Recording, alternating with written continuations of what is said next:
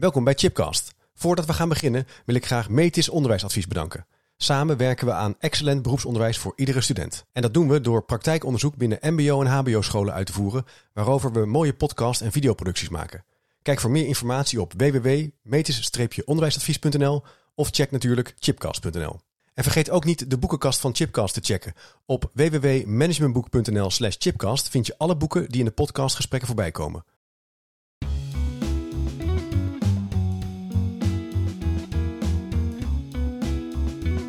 Welkom bij een nieuwe aflevering van Chipcast. Een podcastserie waarin ik op zoek ga naar verrassende antwoorden en nieuwe perspectieven op vragen die mij bezighouden. En in de studio is Sherine Moerkerker. Sherine, hartelijk welkom. Dank je. Leuk dat je er bent. Ja. We gaan het hebben over een boek wat je hebt geschreven dit jaar. Conflicteren, conflicteren. Daar gaan we het ook over hebben, over de dubbele betekenis. Misschien wel die er in de titel zit. Conflict inzetten om verandering te veroorzaken. En jij bent interventiekundige. En dat betekent dat je bestuurders, directeuren, managers en professionals helpt bij veranderprocessen. En je bent ook oprichter van Strange Strategy and Change.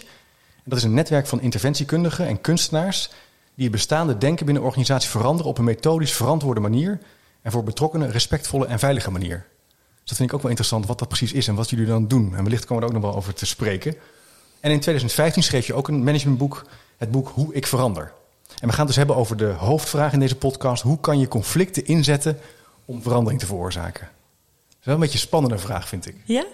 Ja, want ik, ik had al iemand op Twitter die zei: Ja, ik wil ook eigenlijk wel weten hoe je kan wegblijven van conflicten. dus daar hebben we denk ik al meteen iets, Ja. iets te pakken. En dat vond ik ook het leuke om, om jouw boek te lezen, om even een soort mini-inleiding erop te houden. Niet heel veel boeken gaan over conflicten. Eh, het gaat vaak over, nou, we gaan lekker in beweging komen en we gaan lekker veranderen en dan gaat, gaan de resultaten omhoog en dan, eh, nou, dan doen we dat heel snel, agile, of we gaan juist vertragen. Maar ja, soms kom je natuurlijk mensen tegen of collega's tegen die willen iets anders. Of die hebben iets meegemaakt vroeger dat ze misschien helemaal niet willen. En dan ja, kan het heel spannend worden. Ja. En daar gaat dit boek onder andere over. Ja, ja, het belicht wel meer de lelijke kanten. Ja. Ja. Ja.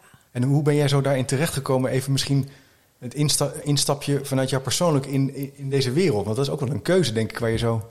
Was dat al heel bewust? Kan je iets over zeggen? Eh, nee, het was niet heel bewust. Eh, ik, ik heb eh, eh, bedrijfskunde gestudeerd aan de Erasmus Universiteit. Hm. En daar kwam ik een hoogleraar tegen, Henk van Dongen. Ja. En die eh, introduceerde eh, eh, het gedachtegoed van sociaal constructionisme. Ehm, eh, en, en daar zit wel dit idee, dit, deze gedachte, eh, namelijk dat verschillen misschien wel leuker soms is dan hetzelfde, zat daar al wel in. Dus in Ja. die zin, ik zit nu de helft van mijn leven in dit vak, 23 jaar. Dus in, in die zin kwam de, conflicteren kwam al in mijn leven wel een jaartje of eh, nou, toen daarvoor nog gestudeerd. Maar ja, wel, wel eh, Ja, ja. ruim 25 jaar geleden. Want in die filosofie is ook eigenlijk het idee dat juist via conflicten er zo als het ware sprongen zijn in hoe je betekenis geeft aan de wereld. Dat er dus niet één soort wereld is die we kunnen kennen, maar dat er, daar gaat ook in het boek onder andere ook over, dat er verschillende zienswijzen zijn, ervaringen. Nou, dus dat sociaal constructionisme, eh, heel, heel eh, makkelijk gezegd, eh, gaat het ervan uit dat mensen komen elkaar tegen en dan gaan ze onderhandelen over wat ze beschouwen als waar. Of wat ze beschouwen als wat is hier nou eigenlijk gebeurd. Dus ze gaan chocola maken van wat ze meemaken met elkaar. En hè, dus ze gaan betekenis geven. Ja. En ehm, eh, het leuke is dat die betekenisgevingen gaan het handelen vervolgens natuurlijk ook weer bepalen. Ehm, eh, dus, dus wat je met elkaar bedenkt als, oh, dit is wel waar, dat gaat je handelen weer beïnvloeden en dan wordt het nog waarder, Ja, waarderder. Ja. En, en zo ontstaat dan langzaam maar zeker vastgezette werkelijkheid. Alleen veel mensen denken dat het dan ook echt zo is. Terwijl in dat sociaal constructionisme gaat het er dus over: nee, er is nooit. Het is niet. Er is niet zoiets als werkelijkheid. Wij, wij, wij construeren samen in interactie werkelijkheid. Dat doen we in dit gesprek ook. ja. En dan is het dus wel heel interessant als mensen verschillend naar iets kijken. Ehm, want als je hetzelfde naar iets kijkt, ja, dan heb je, ben je snel uitgeconstrueerd, zal ik maar even zeggen. ja. En als je er verschillend naar kijkt, dan moet je echt even met elkaar puzzelen. Eh, dus, dus daar werd mijn interesse voor verschil al, eh, al gewekt. Ehm, hè, ik, bijvoorbeeld, ik, ik ben opgegroeid thuis bij een, in een gezin waar mijn vader was altijd CEO van, uh, van grote organisaties, internationaal. Oh ja. Ja. Was behoorlijk stellig. Um, en dan hadden wij discussies. En dan, en dan soms verloor ik natuurlijk die discussie. En dan, en dan dacht ik, ja, maar toch, hè. Ja, ik heb het wel verloren, maar ergens geloof ik toch dat het toch ook anders is. Hoe zit dat nou? Ja. Nou ja, toen kwam ik dus Henk van Dongen tegen. En nou ja, toen bleken dus meerdere werkelijkheden naast elkaar te kunnen bestaan. En toen dacht ik, zie je wel. Ja. Had ik toch gelijk. Er zijn, er zijn toch meerdere waarheden. er zijn toch meerdere werkelijkheden. Werkelijkheden. Want je, kan, je zou kunnen kijken, als je kijkt naar veranderen. Hebben we heel, dat herinner ik nog toen ik in de eerste jaren na mijn studie dan in aanraking kwam met veranderprocessen. Dan ging het het over, ja, de neuzen moeten dezelfde kant op staan. We moeten allemaal een beetje hetzelfde vinden en doen. En dan komt het wel goed. En, maar eigenlijk. Ik zeg, jij, het tegenovergestelde. Tegenovergestelde. Ja. Ja, ja. ja dus uh, nou ja, ja. Ja, nee. Eh, dus het kan allebei. Dus, dus uh, uh, wat Henk van Dongen constateerde, en, en dat, dat deel ik wel, ehm, is dat veel mensen uh, erop georiënteerd zijn waar ze het met elkaar eens zijn. het is fijner om hetzelfde te zijn, hè? homogeniteit. Dat, Ja. dat hebben we wel als veronderstelling. Dus inderdaad, de neus Ja. dezelfde kant Ja. op. En daar is natuurlijk ook best iets voor te zeggen. Want het is natuurlijk ook best fijn om bij een groep te horen. Of uh, hè, we hebben een klik, want we denken er hetzelfde over. Dus het is ook wel best wel begrijpelijk dat het een veronderstelling is. Maar hij zei, stel dat je nou de veronderstelling van heterogeniteit nou eens als waar gaat omarmen. Niet omdat dat meer waar is, maar doen gewoon is. En het grappige is, als je dat gaat doen, dan wordt het eigenlijk interessanter, merkte ik. Hè? Ja. Dus, dus dan kom je ergens binnen en dan denk je niet, hoe, hoe- zijn die mensen het hier eens? Maar dan kijk je, hé, wie zijn het oneens? En waarover precies? Ah, ja. En dan ja. ineens ontdek je natuurlijk gewoon veel meer. En sterker nog, als je dat met iemand gaat opzoeken. Dus als wij nu gaan uitzoeken waar we het niet met elkaar eens zijn. Ja, dan wordt het ook spannender. Maar dan, en, en, en dan komt er ook spanning, maar vaak ook meer intimiteit. Er ontstaat ook meer relatie. Dus het versterkt misschien juist wel eh, het sociaal kapitaal van een team. Ja. Maakt eigenlijk de Ja. verbinding hechter, het vertrouwen hechter. Ja. En dat kan je dus doen, dat is wel interessant, door naar heterogeniteit te kijken in plaats van naar homogeniteit. Ja, Ja, ja, ja, ja. Dus als je met een veranderproces zou starten, kan je zeggen op een school, we zijn het allemaal eens dat we, noem maar even wat, eh, een nieuw curriculum moeten gaan ontwikkelen. ja, Maar misschien zeggen we wel van ja, maar we zijn het eigenlijk oneens over het niveau van de docent. Daar zit eigenlijk wel verschil in. Of wie dan de les moet geven. Daar hebben we verschillende opvattingen over. Nou ja, ik denk zelfs dat we verschillende opvattingen hebben over of we dat nieuwe curriculum wel moeten ontwikkelen. Ook over de vraag waar we voor aan tafel zitten. Ja. Ah ja, oké. Dus, dus ja. hij, hij zit al. Kijk, dus Ja. eh, wereldvrede, daar, daar zijn we natuurlijk allemaal voor. Ja, Eh, hè, hoofdlijnen wel, ja. Ja. Kan moeilijk tegen zijn ook Mo-. Precies. ja. En dat is heel vaak zo. Dan kom je in organisaties en dan stellen ze iets voor. Hè, ze willen de, de, de, de klant centraal stellen of zo. Ja, tuurlijk. Ja, Eh, alleen het grappige is, we zijn natuurlijk allemaal verschillend. Eh, we zijn anders groot geworden. We hebben andere onderhandelingsprocessen gehad met mensen over wat waar is. Dus jij en ik zitten hier per definitie verschillend aan tafel. ja. Dus als we maar lang genoeg doorvragen, dan komen we op verschillen. Eh, dan, dan zijn we het bijvoorbeeld niet eens over wie er het meest mag lijden onder die wereldvrede. Of eh, wie als eerste wereldvrede mag. Of eh, nou ja, zo, dat soort. Ja. Hè, dan wordt het al snel een stuk Ja. meer ja oneens. dan raken we, raken we in discussie. Ja. Ja, inderdaad. En, en dat zou je dus ook, dat, dat, dat kan je dus ook benutten bij een veranderproces. En je zegt eigenlijk Ja. dat is, en dat versterkt ook nog eens de relatie in zekere zin. Ja. Ja. Dat is natuurlijk heel anders dan je denkt. Als je zou denken, een conflict is iets wat we moeten oplossen. En dat is niet goed.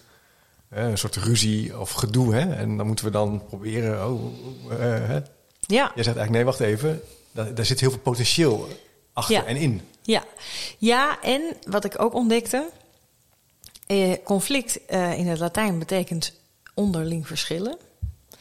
En, en, in, en in ons sociaal construeren hebben we er dus hele negatieve lading met elkaar Ja. aangegeven. Ja, Dus we doen net alsof of conflict iets spannends is, iets engs, iets vervelends enzovoort. Dat is niet de oorspronkelijke betekenis van het woord. Eh, hè, want als je nou gewoon even denkt onderling verschillen. Ik vind het nog mooier samen verschillen. Ja, dan gaat de lading er natuurlijk helemaal af. ja. Eh, want dan is het een stuk minder spannend. Interessant. Dus je zou ook zo kunnen kijken naar bijvoorbeeld... Even het idee van curriculum. Ja, Hoe verschillen wij? Wat vind jij dat een curriculum is? Wat vind ik dat een curriculum ja, is? ja. En dat is al eigenlijk de definitie van een conflict. Is eigenlijk al die verschillende uitspraken tegen elkaar aanhouden. Ja. met elkaar eh, in kaart brengen, over Ja. praten. Nou ja, dus bijvoorbeeld wat ik interessant vind aan zo'n woord cu- curriculum. Ja, noem maar even wat, ja, ja. leuk, leuk voorbeeld. Ehm, eh, eh, wat je natuurlijk in veel or- onderwijsorganisaties ziet, is dat ze nou, concepten als onderwijs, curriculum, leerling, docent. Dat zijn zulke vaststaande begrippen al, dat mensen soms niet eens meer in de gaten hebben dat ze bezig zijn met het ontwikkelen van mensen. Hè, dat me- mensen mogen leren en ontwikkelen in hun organisaties. Dat dat was waarom ze ooit waren opgericht. Dus, dus onderwijs als eh reificatie, als eh, zelfstandig naamwoord.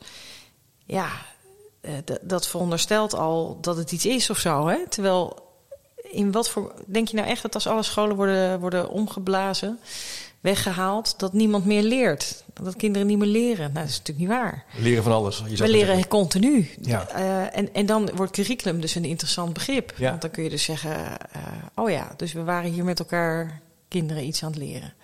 Oh ja, en waarom, waarom hadden we ook een curricu- curriculum? Dat, dat had ook een functie. Heeft het nog steeds een functie? En zijn we het daar nog over eens? En nou ja, zo. Nou, dat zie je in het onderwijs, maar dat zie je natuurlijk ook in andere domeinen, dat er een heel groot verschil bestaat in opvattingen over wat onderwijs zou moeten zijn. Ja, De ene vindt bijvoorbeeld, nou ja, een curriculum. Toevallig gisteren nog in de uitzending eh, had ik eh, Anna Bosman te gast, hoogleraar onderwijswetenschappen onder andere. Die zegt, ja, we moeten kennis overdragen. Op basisschool zouden kinderen leren rekenen, schrijven, begrijpend lezen, wereldoriëntatie. Dat is eigenlijk wel alles waar we het over moeten hebben. En daarbij mogen nog andere dingen. Maar je hebt ook andere vernieuwers of Ja. onderwijskundigen die zeggen, nou nee, een curriculum gaat eigenlijk over jezelf ontdekken. ja, En dan heb je ook nog eens mensen die zeggen, nou nee, het gaat nog veel meer over samen. Ja. Dat je als het ware leert jezelf te zijn, jezelf ontdekken. oh ja.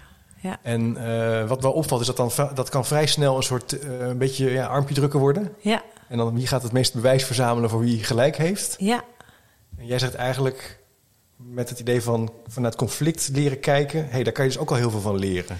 Want ja dus, is, dus, dus het is interessant. Jij interviewt zo'n hoogleraar. ehm, en dan vraag je dus ook helemaal door op, op, op haar denken. Ja, Eh, en ik denk dat mensen die van elkaar verschillen daarin, dat dus vaak me- met elkaar niet meer doen. Maar met elkaar argumenten beginnen uit te wisselen waarom ze het meest gelijk hebben. En volgens mij heeft dat iets te maken met dat uiteindelijk mensen bang zijn om hun definitie van de werkelijkheid te verliezen.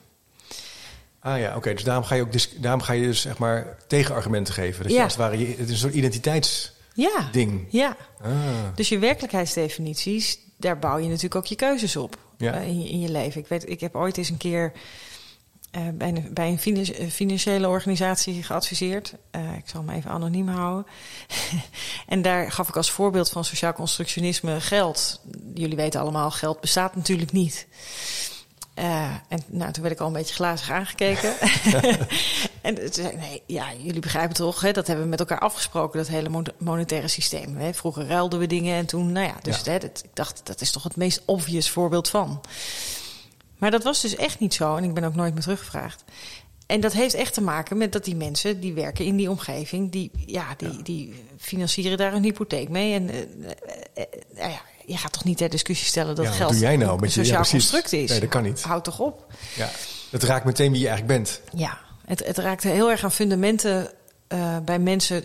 De keuzes die ze in hun leven maken en hebben gemaakt. De dingen die ze hebben vastgezet als waar. Dus je haalt wat zekerheden weg als je ter discussie gaat stellen. Interessant, dat doet me ook denken aan... Ik eerder een keer met Jos Kessels gesproken over Socratische, Socratische gespreksvoering. En het verschil tussen discussie en dialoog. En Ja. voor mij nog twee hoge vormen poëtica, meen ik uit mijn hoofd. Ik weet het niet helemaal zeker. Ik zal het op de website zetten, de link naar het model. Maar die zei ook van, ja, er is vaak in het begin altijd... In een goed gesprek ga je in het begin een beetje nou ja, discussiëren. Dan zeg je, nou, ik vind dit, ik vind dat. En dan hoop je dat je eigenlijk meer in de dialoog komt. Of dat er daarboven nog een vorm is van kenniscreatie. Dat je eigenlijk gaat onderzoeken wat je eigenlijk vindt en waarom je dat vindt. Ja, En daar zit eigenlijk heel veel leerwinst. ja nou ja, dat, is, eh, nou, dat, dat stemt dus eigenlijk wel mooi overeen. Wat, wat, wat ik dus denk is dat mensen zo bang zijn voor conflict. Omdat ze uiteindelijk dus bang zijn hun werkelijkheidsdefinitie te verliezen. Ja. Maar dus ook stoppen met uitzoeken nadat ze met elkaar hebben uitge- uitgewisseld wie wat vindt.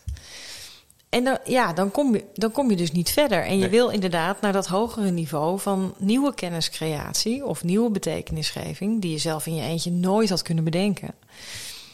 Dus als je daarin door kunt gaan, ja, Ja. dan is het ineens niet meer zo spannend dat je verschillende werkelijkheidsdefinities Oké, hebt. oh, daar heb ik twee, misschien, meteen twee vragen over.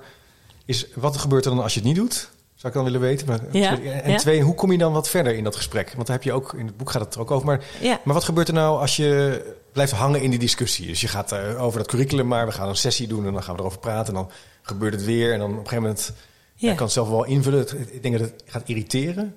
Je gaat ergeren of wat? Nou, ik, ik beschrijf bijvoorbeeld in mijn, in mijn boek de, de veil- een, een veiligheidsregio. Mhm. Ehm, eh, en, en, en wat, je, eh, wat daar bijvoorbeeld een debat was.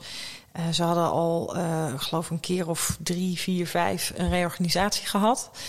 Ehm, en iedere keer was wel, dan weer de discussie: is dit de beste organisatiestructuur of niet? Om- Of om ons werk goed te doen en zo. Hè? En dan, nou ja, dat herhaalde zich steeds. Ja. Ehm, eh, in het steeds maken van het vraagstuk tot een structuurdiscussie en daar steeds weer op discussiëren en uitwisselen, ehm, werden andere perspectieven uitgesloten. Namelijk dat het misschien helemaal niet over de structuur ging. Dus je ziet dat die, die veiligheidsregio's zijn eh, eh, eh, gemaakt. Hè, en dat waren natuurlijk eerst gemeentelijke brandweerorganisaties. Nou, die hadden hun eigen lokale invulling van hoe ze brandweertje speelden, zou ik maar even zeggen. Nou, en toen moesten ze in die regio- regionale organisatie en toen moesten er ineens dingen geuniformiseerd worden. Nou, dat, dat vinden mensen dan spannend. Want dan mag ik mijn eigen toeter niet meer op mijn auto. En, nou, Ja, op, dat, op niveau Ja, gaat het ongeveer. Ja, ja. En toen op een gegeven moment dacht die leiding, eh, dat was dus jaren voordat ik daar binnenkwam, dachten ze, nou weet je wat, als we nou die structuur veranderen, als we nou gaan zeggen, hè, want nu zijn het, eh, weet ik veel, twaalf eh, eenheden die we hebben samengevoegd. We hebben daar toen vier sectoren van gemaakt, maar dat zijn nog steeds vier eilandjes. Weet je wat? Als we er nou gewoon één regio van maken, dan is het vast opgelost. Ja. Dus dan hebben we één leidinggevende en dan, eh, nou, of eh, nou, zo. Veel beter. Veel beter. Ja. En wat je dus eigenlijk doet met zo'n discussie, want dan heb je argumenten voor en tegen, en uiteindelijk wordt het dan ja, één regio en die wordt de directeur, is dat je het hele gesprek omzeilt, wat eigenlijk gaat over identiteitsverlies. Dat hadden ze ook kunnen voeren. A, je bent dus bang voor identiteitsverlies. Eh, vertel eens, Ja. wat ben je bang kwijt te raken? Eh, oh, by the way, je bent ook gewoon bang om je baan te verliezen. Ja, snap ik ook heel goed. Ja. Overigens, dat gaat dan natuurlijk gebeuren. Jeetje, nou, hoe doen we dat op een beetje eerlijke manier? Dus je raakt heel veel... Hè, dus, dus zo'n structuurdiscussie... daarmee kun je heel veel van de spannende discussies... kun je lekker vermijden. Dus dat is wat, je, wat, Ja. wat er gebeurt Ja. als je het niet aangaat. Nee, je gaat eigenlijk allerlei dingen eromheen organiseren. Organiseren. En je vermijdt eigenlijk het echte, echte Ja. gesprek. Ja. Dus in die zin, wat raak je kwijt? Eh, volgens mij antwoorden die meer antwoord zijn op het vraagstuk... eh, en, eh, en die noodzakelijk zouden zijn. Ja. En ik zie heel vaak, ja, zo, toch in organisaties non-antwoorden op vraagstukken. Non-antwoorden, mooi. Ja. ja.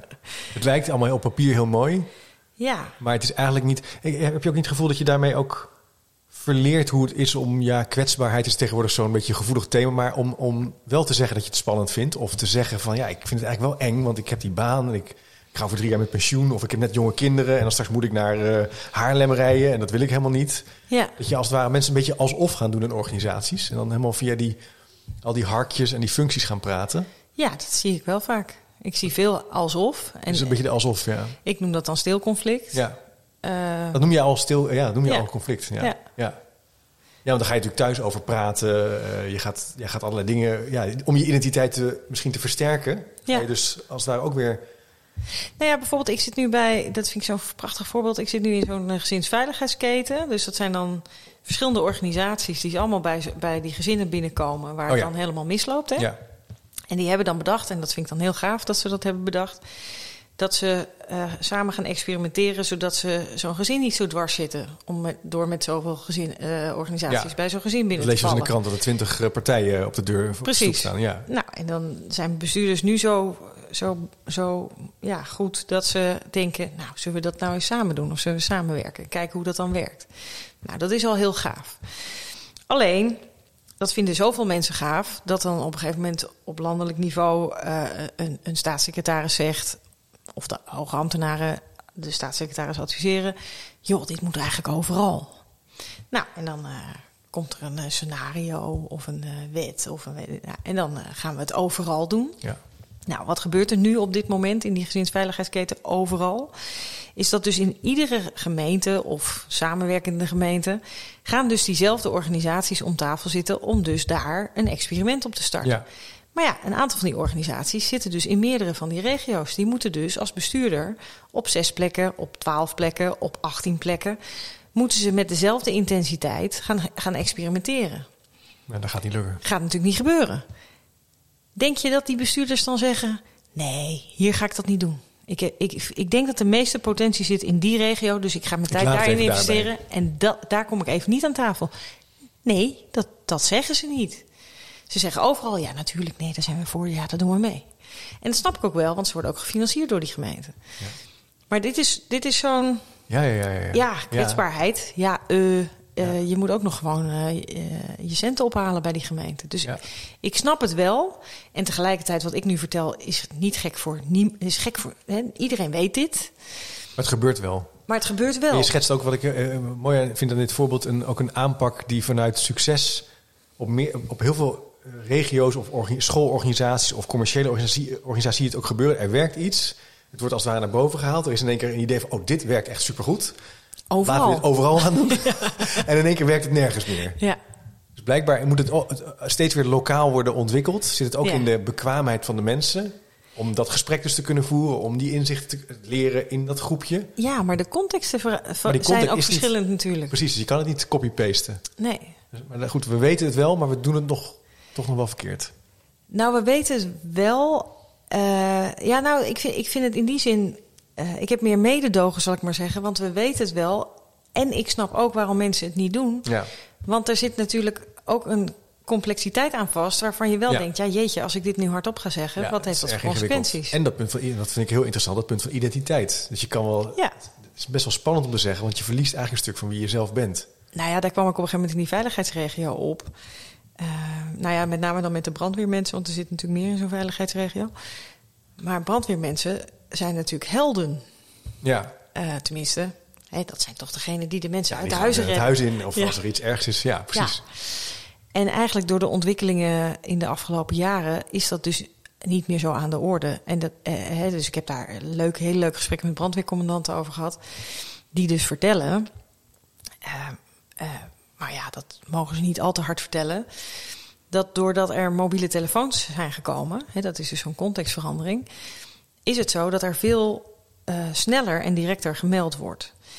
De aanrijdtijden van brandweerauto's zijn nog gebaseerd op toen we nog geen mobiele telefoon hadden. Dus dan, hè, dan was Oh ja. iemand al eerst al naar een telefooncel gelopen. Ja. En dan, eh, eh. de aanrijdtijden zouden dus korter kunnen. Nee, langer kunnen. Langer kunnen gemaakt Langer worden. kunnen gemaakt Ze worden. zouden er langer over mogen doen. Ja. Omdat er sneller contact wordt gelegd met die brandweer. Ja. Alleen dat betekent dat je dus, als je vanuit efficiëntie zou denken, op minder plekken in Nederland eh kazernes zou kunnen hebben, brandweerkazernes zou kunnen hebben. Dat zou betekenen dat je een aantal van die brandweerkazernes die er nu zijn, eh, dus kunt opheffen. Dat zou natuurlijk heel aantrekkelijk zijn. Alleen de dynamiek die je dan uit het oog verliest, is dat veel brandweerkazernes eigenlijk een soort van scoutingvereniging zijn. Dus Ja. het, is een vrij, ja, het is een vrijwilligersvereniging. Ja. Ja. Waar mensen naartoe komen en dan kunnen ze sporten en dan kunnen ze een biertje drinken in de, in de derde helft. En eh, daar doen ze hun sociale contacten op. Dus het is natuurlijk niet alleen maar een efficiënt georganiseerd bedrijf. Het maats- heeft een maatschappelijke functie. Zeker. Alleen als je de definitie van bedrijf gaat hanteren. Ja, dan zou je dus kunnen zeggen, nou, we kunnen best een heel aantal kazernes sluiten. En daarmee dus ook heel veel materieel wegdoen. En dat zou, zou echt een hoop geld schelen. En dit, de, gaan, de meeste brandweercommandanten spreken dit dus niet hardop uit. Nee. Zeker niet als er beleidsmakers in de buurt zijn. Dat blijft dus heel Of politici. Ja, ja. Goh, interessant. Wist je niet dat die brandweerplekken zo, zoveel meer zijn dan alleen een plek? Maar goed, het is, ook, het is ook wel mooi om te zien dat heel veel instituties niet alleen gaan om de winst- en verliesrekening, maar veel meer zijn dan dat. En, Ja. en, en dat, eh, ja. Hey, en ehm, nou eh, had ik een vraag van Peter Lonen. Die zei, ja, hoe kan je nou uit een conflict stappen? Hè? Als het nou begint dat je denkt, nou, even Wegwezen. wegwezen. Ja, ik, ik zie het antwoord al misschien een beetje aankomen. Maar toch even met jou Ja. verkennen. Als je dit nou spannend vindt. Of als je nou denkt, oh mijn hemel. ehm, er is gedoe in mijn team. Of ik, ik merk verschillende opvattingen. Ik Ja. weet niet wat ik moet doen. Ja. Ehm, eh, ik, ik denk dat in dit geval ook Peter eh, eh, maar ook zo, zoveel met hem het spannend vinden, omdat het vaak dus ophoudt. er is geen doorgaande interactie over, over dat verschil, over die spanning die er is. Omdat we daar weinig repertoire voor hebben. Dus hè, als we naar een cursus conflict hanteren gaan, dan leren we conflict letterlijk op te lossen. Dus weg te nemen. Ehm, eh, dus we hebben eigenlijk heel weinig repertoire om dat conflict te, er te laten zijn. Ja, ja, precies. En dan er dan vervolgens mee te werken en ermee blijven te werken.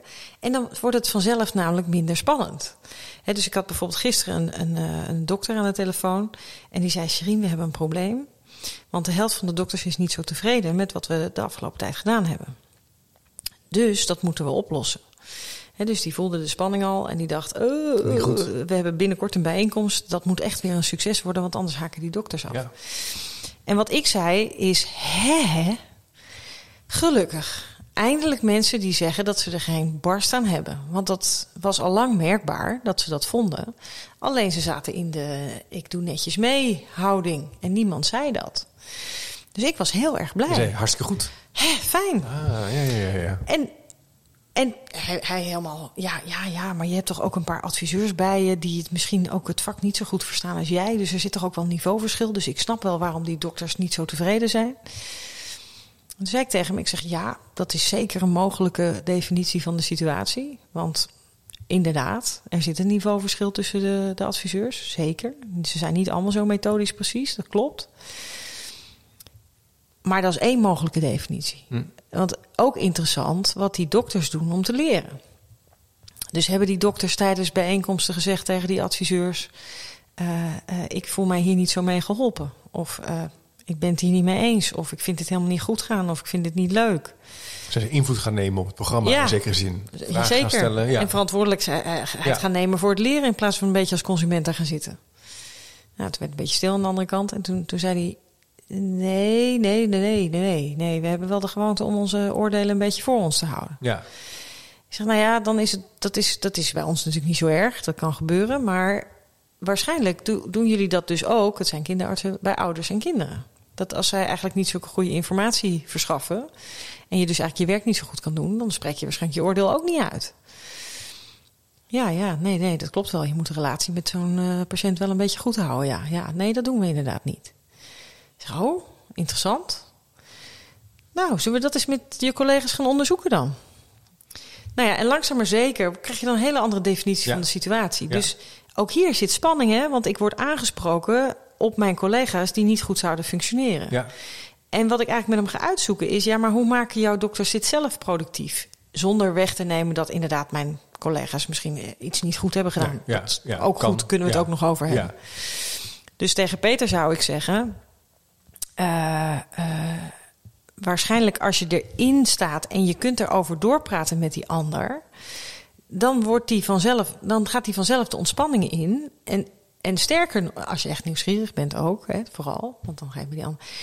En sterker nog, waarschijnlijk krijg je dus betere relatie met die ander. Dan nog steeds snap ik wel waarom Peter en velen dit niet doen. Dus ik heb ooit op een baggerboot geadviseerd. Ja, ik snapte wel waarom mensen geen functioneel conflict gingen maken. Volgende ochtend zat je weer op die boot Ja. en moest je gewoon met degene door. Ja. Dan nog steeds denk ik, als mensen wel het repertoire zouden hebben om dan conflict met elkaar aan te gaan, zou het wel leuker worden op die boot. Ja. Beter worden op die boot. Maar ik snap wel, als je dat repertoire niet hebt, ja, dan wordt het voor je het weet dysfunctioneel conflict en maken mensen elkaar op zo'n boot af. Ja. Het is interessant, want het, eigenlijk gaat het... Ik denken, het gaat misschien veel minder om een conflict in de zin van wat ik dan associeer met toch woordenwisseling, spanning. Ja. Naar verschil leren zien. Kijken hoe, Ja. hoe anders wij kijken. Een heel mooi voorbeeld met die arts. Hey, je kijkt er eigenlijk zo naar, interessant. En door het eigenlijk door te vragen en door het verschil eigenlijk juist centraal te stellen, creëer je verbinding. Ja. En ook weer nieuwe perspectieven. En eigenlijk ook mogelijke oplossingen voor taaie vraagstukken zoals de relatie met, eh, met een familie met een ziek kind bijvoorbeeld. Hè? Noem Ja. maar even dit voorbeeld. ja. Ja, inderdaad. Ja. Ja. Alleen eh, wat wel eh, altijd dan, en het blijft altijd Mhm. spannend. ja. Dus wat die dokter ook tegen mij zei. Ja, nu, heb je, nu hebben we dit gesprek gehad. Hè, hadden we drie kwartier of zo over gesproken. En toen zei hij. En ik blijf ook vinden dat er een kwaliteitsverschil zit met die, met die collega's ja, van je. Ja, ja, ja. Zei ja, nee, maar dat snap ik ook. ja.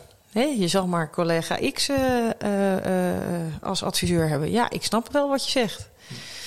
Zullen we daar eens met collega X over gaan hebben? Ja. Wordt hij namelijk een betere collega van? Ja. Eh, Ja, dan doe je allebei ook weer mee hè, in, het in de ontwikkeling. Ja. ja. Nou, dat is wel een interessant perspectief om te kijken naar conflict. Eigenlijk verschil probeer te benutten. Ook, ook, ook realiseren dat het dus gaat over je identiteit, wie je zelf bent, wat er eigenlijk op het spel staat. Ik had toch nog een andere vraag. Jij, jij zei in het begin, las ik over, en dat vertelde je ook, dat jij dus ook met kunstenaars en Ja. interventiekundigen eh hier omtrent werkt. Kan je er iets, ben ik gewoon nieuwsgierig naar, wat, is dat, wat doe je dan? Ja, ehm, eh, dat, dat, dat is eigenlijk jaren geleden begonnen. Ehm, ik kwam dus bij een, eh, bij een adviesbureau eh, vandaan. ehm, waar ik dus dat, dat hele methodisch precieze adviseren had geleerd. Hè, Dus vanuit dat sociaal constructionisme. Waarbij je dus iedere keer weer onderzoekt: hey, hoe produceren ze hier werkelijkheid met elkaar? En hey, kan ik daar weer op uit de pas lopen zodat er weer iets anders ontstaat?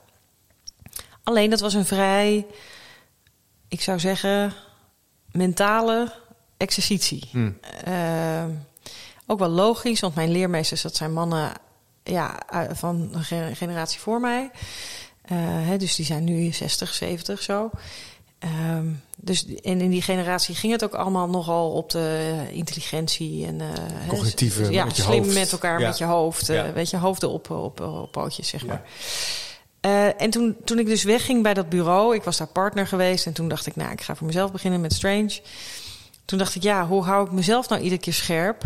Want ik heb bedrijfskunde gestudeerd, dus als ik ergens in een organisatie binnenkom, dan snap ik die managers heel snel. Want ja, ik ken hun taal, dat heb ik geleerd. Eh, dus voor je het weet, ben ik het met ja, ze eens. lekker mee. Ja, precies. Ja, ja. Dus ik me- lekker mee te lullen over eh, ja, ja, ja. ja. welke performance we moeten leveren. En eh, nou ja. Dus ehm, ik dacht toen, ik ga gewoon naar andere vakgebieden toe. Want die hebben gewoon andere gewoonten, andere taal, andere dingen meegekregen. En die, per definitie gaan die dus anders kijken naar de situatie dan ik. En anders betekenis creëren. Dus de allereerste keer ben ik dat met... eh, eh, ik ben Maurits op een gegeven moment tegengekomen. Maurits Broekema, die is theatermaker en filosoof. Eh, en daar ben ik als eerste mee gaan experimenteren van... nou, wat als we nou samen, allebei als adviseur... naar zo'n klant toe gaan... En dan zeg ik, hallo klant, dit is mijn, mijn collega. Hij is ook adviseur. Ja. Dat was hij helemaal niet. Dat Stiekem was- in- precies. hij was gewoon theatermaker en filosoof. Ehm, en, dan, en dan het gesprek gaan voeren. Wat gebeurt er dan? Oh ja. Nou, en, eh, en een keer eh, later heb ik dat nog met een danser gedaan, met, met, eh, met Kim Raasveld. En nou, ja, er gebeuren hele leuke dingen dan. Want, want bijvoorbeeld, nou, een mooi voorbeeld met Kim. Dat heb ik ook beschreven in Hoe ik verander. Ehm, eh, hè, we zaten met een, eh, met een MT van een. eh, ja, ze- onderhielden tunnels en bruggen. Oh ja. En nou, directeur, een paar managers. En nou, ze zaten een uur met elkaar al te praten. En ik zat dat gesprek te begeleiden. En Kim zat erbij. En op een gegeven moment zei Kim... Goh, nou zitten jullie al een uur te praten. En, en ik spreek Nederlands. Maar ik, ik begrijp eigenlijk helemaal niet goed waar jullie het over hebben. Ehm, wat ik wel zie, is eh, dat, dat u... En ze wees dus naar de directeur, naar de hoogste baas ergens ontzettend bang voor bent. Want u, u zit een beetje in elkaar gedoken, reageert soms op dingen niet. Eh, ik, in al die taal verlies ik een beetje waar dat nou over gaat. En ja, ik, ik denk wel, goh, waar, waar zou die meneer die duidelijk betrokken is op die bruggen en die tunnels, en ook op de mensen die hier zitten, waar zou die nou zo bang voor zijn? Zo. Nou, stilte. Ja, dat kan me voorstellen, ja. Maar het leuke is, dit, zij is een danser. Dus Ja. zij kijkt gewoon naar, naar ja lijf. lichaamstaal en Ja. eh, gewoon je lichaam. Ja, ja, ja. Ja. ja, ja. en ze dacht, nou, allemaal leuk wat jullie er zo gek bij. zijn. Ja. Maar volgens mij ben je gewoon ergens bang voor. Nou, met een heel mooi gesprek. Ik bedoel, ja, het was eerst ongemakkelijk natuurlijk. Want die, die man zei, bang, bang. Nou, nee, ik ben ergens bang voor hoor. En eh, nou ja, van mij werd dan meer aangenomen. Hè? Daar heb je al een tijdje relatie en zo. En, eh, toen zei ik van... eh, ik zei, nou ja, misschien is bang het verkeerde woord. Maar is het inderdaad iets waar je waar je dan ongemakkelijk bij voelt? Of, hè, dat, het, ik zou me er zo alles bij kunnen voorstellen. En dus ook een beetje normaliseren dat dat zo is. ja. Nou, en, eh, en toen zei hij... ja, ja, Ja, we- weet je wat een beetje het vervelende is? Kijk, we zijn nu al een paar keer langs een aantal bruggen en een aantal tunnels geweest. En daar hebben we natuurlijk een aantal problemen gezien. Weet je nog dat we tot onze enkels in het water stonden en dat daar de elektromonteur ook in stond te werken? Weet je dat nog? En weet je nog dat trappetje aan die brug waar we af moesten springen, ongeveer twee meter naar beneden en onze benen konden breken? Dat, dat. Ja, dat hebben we hier dus bij alle bruggen en tunnels. Dus als ik dat allemaal optel, dit krijg ik in de komende 40 jaar niet gefixt. Als ik dat allemaal. Nou ja, dus. Ja. En ik ben wel verantwoordelijk voor het onderhoud. Tja. Eh, ah. Complete onmacht. Die Ja. man wist niet waar hij moest, moest Nee, beginnen. Maak zich gewoon zorgen. Maakte zich gewoon hartstikke zorgen. Ja, En daar ging het gesprek niet over. prachtig. Dus dat vind ik Dat leuk. krijg je eigenlijk op tafel ook door iemand die anders kijkt. Gewoon van Die gewoon niet net doet alsof hij ook zo intelligent mee kan lullen en, en het begrijpt. Ja. Dus, dus wat ik, wat ik, het zijn niet alleen kunstenaars. Hè. Ik be- bewerk nu bijvoorbeeld ook eh, in een ziekenhuisopdracht samen met een architect. Dus het zijn mensen uit andere werelden. Ja, andere die dus- domeinen. ja, die dus ook weer anders naar de situatie kunnen kijken. Super, heel interessant. Ja, doe me denken aan dat als je, als ik wel eens betrokken ben bij bijvoorbeeld eh, de start van het collegejaar of de start van het nieuwe jaar. En dan soms werk ik wel eens met een directeur of een bestuurder. Dan wordt er, moet er een, of moet er een verhaal, hè? Ja, hoor mij nou. Maar dat is dan wel wat er gebeurt. Nieuwe strategie. En een, ook een soort neiging om alle twijfel of eh, vragen, die worden vaak al er helemaal uitgeregisseerd. Hè? Er moet ook Ja. geoefend worden en het moet helemaal duidelijk zijn. Want oh, stel je voor dat je het niet weet. Ja, Terwijl de keren die mij het meest zijn bijgebleven zijn vaak als iemand toch inderdaad zegt: Ja, ik, dit weet ik eigenlijk ook niet. Of het is best wel heel spannend. De financieringsstructuur gaat veranderen. Of we hebben een nieuwe concurrent. Ja, ja, eh, ik zou graag met jullie over in gesprek willen gaan. Ik Ja. heb er wel ideeën over. Maar dan creëren we creëren toch. Het is heel veilig om een soort schijnwerkelijkheid te creëren, denk ik. ja, Waarin we toch die. Dat vind ik echt heel leerzaam aan wat je zo vertelt over. Dat je dan die, dat je eigen identiteit wordt bevestigd. Dat je toch een vorm van controle hebt. Dat je nog steeds de directeur bent of de ja. intern begeleider. En dat het allemaal klopt. Ja, en nou, ik had het met het. Ik heb dit boek. Toen het klaar was, heb ik het bijna drie keer in de prullenbak gegooid. Ik dacht, ik ga dit niet uitgeven. Nee? Ja. Eh, omdat je gewoon dacht van... Nou ja, eh, ik heb dus bewust twee casussen eh, heel Ja. uitgebreid bes- beschreven... die eigenlijk, als je vanuit een bepaald perspectief kijkt... uiteindelijk mislukt zijn, Ja. alle twee. Ja.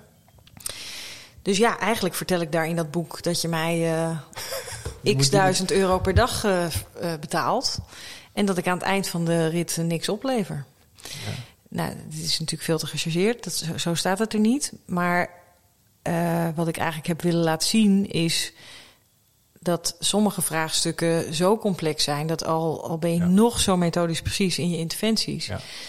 Sommige dingen zijn zo groot, die kun je, die kun je als één adviseur dus niet beïnvloeden. En daar, maar de- ja, waar ik het dus niet meer weet, hè, waar ik het niet weet, is, is of ons vak altijd toegevoegde waarde heeft. Of ik dat altijd kan waarmaken. ehm, terwijl ik wel heel erg hou van mijn vak en heel precies ben in mijn vak. En ook altijd heb eh, boos ben geweest op al die adviseurs die mijn vak verneuken, zal ik maar zeggen. Daar ben Ja. ik ook altijd best streng op geweest. Ja. En dan moet ik eigenlijk zelf toch ook concluderen dat met al mijn methodische precisie sommige vraagstukken gewoon echt te groot voor mij als één mensje zijn. Of twee mensjes of drie als je met collega's gaat. Nou, daar, daar ben ik ook wel, ook wel ziek van geweest, zeg ja, maar. zo confronterend. Ja, Als het gaat over identiteit. Ja, Ja, ik herken dat ook wel. Je wil, eh, eh, je wil ook graag iets bereiken. ja. Ook al ben je meer van de processen of van de opstellingen. Het of moet van een mooie wereld Je worden. wil een mooiere wereld maken, Ja. een school beter maken. ja. En je weet ook dat het na een jaar waarschijnlijk niet de doelen heeft, niet heeft opgeleverd wat je in het begin eh, hebt bedacht. Ook al ga je er hartstikke hard aan trekken. ja. Ik herken dat wel. eh, ik heb eerder het boek Verslaafd aan Organiseren geschreven over managementverslaving. Ehm, gedeeltelijk ook gebaseerd op ervaring uit een aantal grote onderwijsvernieuwingsprocessen die ik heb meegemaakt of mee helpen begeleiden. En eh, heel veel dingen daarvan die op papier stonden zijn niet gelukt. Maar achteraf dacht ik wel, ik heb wel vriendschappen eraan overgehouden. Gekke, gekke vormen van relatie en eh, mooie herinneringen aan heel hard werken aan iets wat inhoudelijk misschien niet altijd heeft gelukt. Maar het, is, het klopt wel wat je zegt. Het is confronterend om te bedenken. Maar het is wel zo dat Ja, veel van wat je vaak bedenkt... Je wordt Ja. soms ingehaald door de realiteit. ja. Maar er zijn natuurlijk ook allerlei dingen. Want jouw boek ja, het is ook niet zo maakbaar het is niet zo maakbaar. Nee, jouw Nee. boek biedt gelukkig aanknopingspunten om, om die plek der moeite aan te gaan. Ja. Maar het gebeurt ook vaak zat dat het natuurlijk niet wordt aangegaan, of dat het mislukt, of dat iemand weggaat. Of... Nou ja, en- en wat, wat je in mijn casus ziet, is dat het wel wordt aangegaan. Maar dat dat er nog steeds niet toe steeds, leidt ja. dat, dat dan in die GGZ-organisatie ook werkelijk betere GGZ-zorg wordt geleverd. Nee. Of dat in die eh, veiligheidsregio ook daadwerkelijk eh, brandweermensen betere brandveiligheid waarborgen. Ja, Ehm, dus ja, tja. best een spannende. Spannende, ja. Ook voor het vak van, van adviseren en van ja, consultant, of welk woord je er ook wil geven. Geen beschermd beroep. In zekere zin, iedereen mag zich zo noemen. Ja, je kan je aansluiten bij een orde en al dat soort eh, vakopleidingen volgen. doen heel veel mensen natuurlijk ook niet. ja, Ook met het hele idee van het sterkere, meer ZZP'ers die ondernemen. eh, is dat natuurlijk ook wel een spannende, ja. Nou ja, ik geef ieder jaar ehm, een leergang voor ervaren adviseurs hè, die 20, 30 jaar in het vak ja, zitten. Ja, Ja, hoeveel er dus niet ja, methodisch zijn opgeleid en hoeveel dus inderdaad echt zitten aan te rommelen, dat is, dat is, echt, dat is echt erg. ja. Daar, dat vind ik, ja, dat kan ik oprecht. Weet je, wij zitten hier nu te praten en er zijn nu allerlei zaaltjes in Nederland waar, waar, waar dus het vraagstuk van een organisatie verder wordt vastgezet. Door dat soort adviseurs. Ja. Nou, dat vind ik vreselijk. Ja. Maar goed, het is dus ook zo dat er nu ook in zaaltjes dingen gebeuren door, door echt vakmensen, collega-adviseurs. En waarbij je uiteindelijk toch moet constateren dat het misschien niet altijd, altijd beter is geworden. Ik, wat, waar, ik me wel, waar, waar, waar ik me wel mee troost, zal ik maar zeggen, is eh, eh, Kees Luscure, een van de mensen die mij ooit heeft opgeleid, die zei altijd: je moet vooruit de wereld willen veranderen en achteruit. Ehm, Ja. Kijken of je één of twee mensen eh, onomkeerbaar ja, een live event hebt meegegeven, waardoor ze het nooit meer Ja. hetzelfde kunnen zien of nooit meer hetzelfde zullen doen. Nou, in die GGZ-organisatie die ik hier beschrijf, ehm, het is overigens een mix van meerdere casussen, maar meerdere GGZ-organisaties, maar één van die organi- GGZ-organisaties. Daar heeft iemand bij afscheid zelfs een, een, een beeld voor me gebeeldhouwd. Ja, Dus- zo zie je. Dus De vraag is, waar zit het, eh, wat is het waar resultaat? zit het succes? Ja, precies. Ja, dat vind ik dat is ook wel mooi dat je dat zegt inderdaad. En ik herken het ook wel bij als het gaat in, eh, over de wereld van onderwijs. Hè. Onderwijsverbetering, er wordt van alles gedaan, niet onderbouwd. Mensen gaan maar met heel veel energie dingen veranderen. En ehm, eh, ik denk, ja, je, je kunt terugkijken, je kunt eh, wetenschappelijk, tussen aanleidingstekens, onderzoek doen. Hoewel, ja, met Willem Masterbroek sprak ik ooit erover. Die zei, ja, ach ja, wetenschap, ja, het is helemaal niet wetenschappelijk, want je hebt zoveel variabelen. Eh, ook wel een punt, hè? Maar ja, Ja. toch proberen enige mate van verantwoording eh, te organiseren. Eh, dit soort gesprekken voeren. Mensen ter verantwoording roepen over een aanpak, zou je, zou je kunnen zeggen. Ja. Maar het blijft natuurlijk heel kwetsbaar in zekere zin. Wat het vak nou Ja. precies is. Ja, en voor, voor mij is dat vak eh, wel. eh, ik, ik heb het altijd over en, en de orde interventies. Hè, dus de- de- voor mij is het vak dat je iets wat al generaties, zal ik maar zeggen, in de muren zit als vraagstukken. Dat je daar, daar iets in losgefrikt Ja. krijgt, waardoor Ja. er weer nieuwe Ja. openingen ontstaan tot nieuwe antwoorden. Ja, Dat is voor mij het vak. ja. Ehm, ja, Ja, dat is interessant. Ja. Ik heb ook wel eens een hele lange discussie gehad met iemand over... eh, moet je de vraag van de klant als uitgangspunt nemen? Of is er een vraag achter een vraag?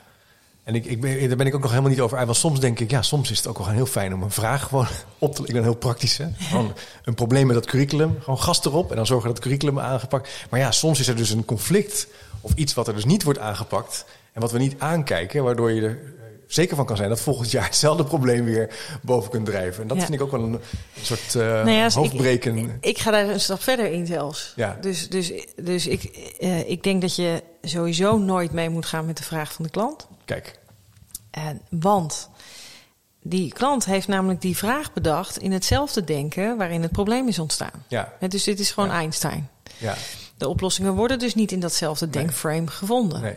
Dus de opdracht die een opdrachtgever aan je formuleert, die klopt dus in ieder geval niet. Sowieso niet. Ehm, even in ons vak, hè? want ik bedoel, als iemand tegen mij zegt: Ik heb dorst, wil je een kop koffie halen? ja. Ja, Of er moeten nieuwe computers komen. ja.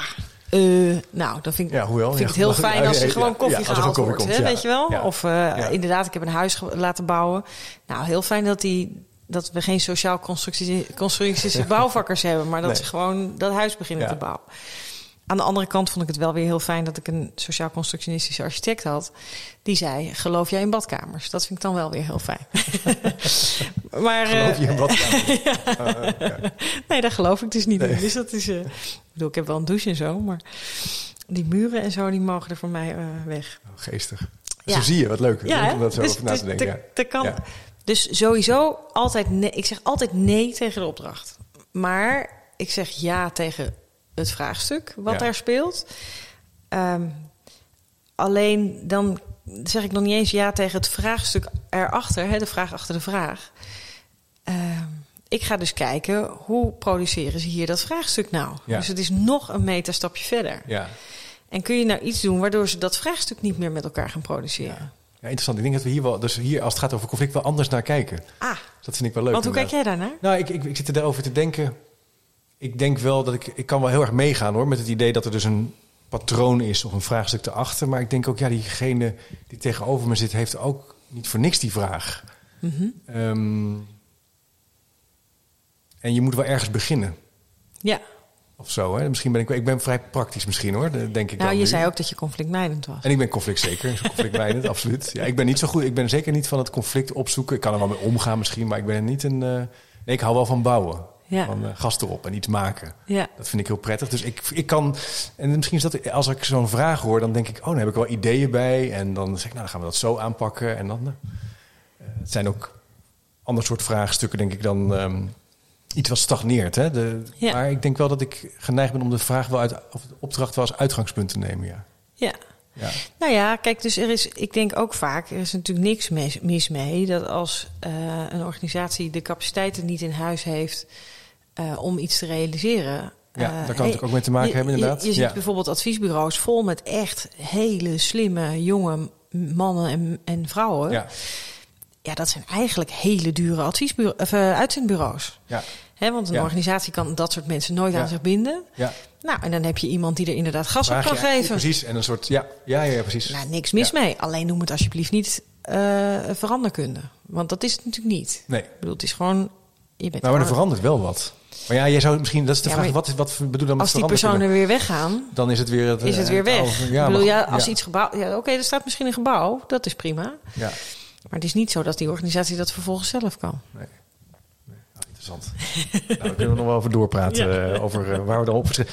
Nou, Sherine, ontzettend leuk om met je over van gedachten te wisselen. Over een, ik leerde heel veel van dit gesprek, merk ik. Ik heb allerlei ideeën erover. Er moet misschien maar een deel 2 komen. Over conflicten en ze zien als kans en manier om eigenlijk te verdiepen. En ook over je identiteit te hebben en over wie je eigenlijk zelf bent. Ja, Ehm, conflict inzetten om verandering te veroorzaken. Eh, ontzettend lezenswaardig boek. Ik zou het aanraden. Ik raad het gewoon eh, keihard aan. Dus ik zou het zeggen, ga dat kopen. Ga het even checken. Ik zal het op de boekenplak zetten van Managementboek. ja Dus daar kan je hem zeker ook vinden. Ehm, als je nu luistert en je hebt, je hebt het idee... hey, ik heb een link gehoord of een artikel of een bron die we noemden... check dan even chipcast.nl, zal ik ze opzetten. En als je het leuk vindt om de nieuwsbrief eh, te ontvangen... dan krijg je elke twee weken gratis en voor niks meer informatie. Ga dan naar chipcast.nl slash doe mee. Sherine, dankjewel voor je tijd. Heel graag gedaan. Jij ook bedankt. Ja, superleuk. Tot de volgende keer maar weer. Tot de volgende keer.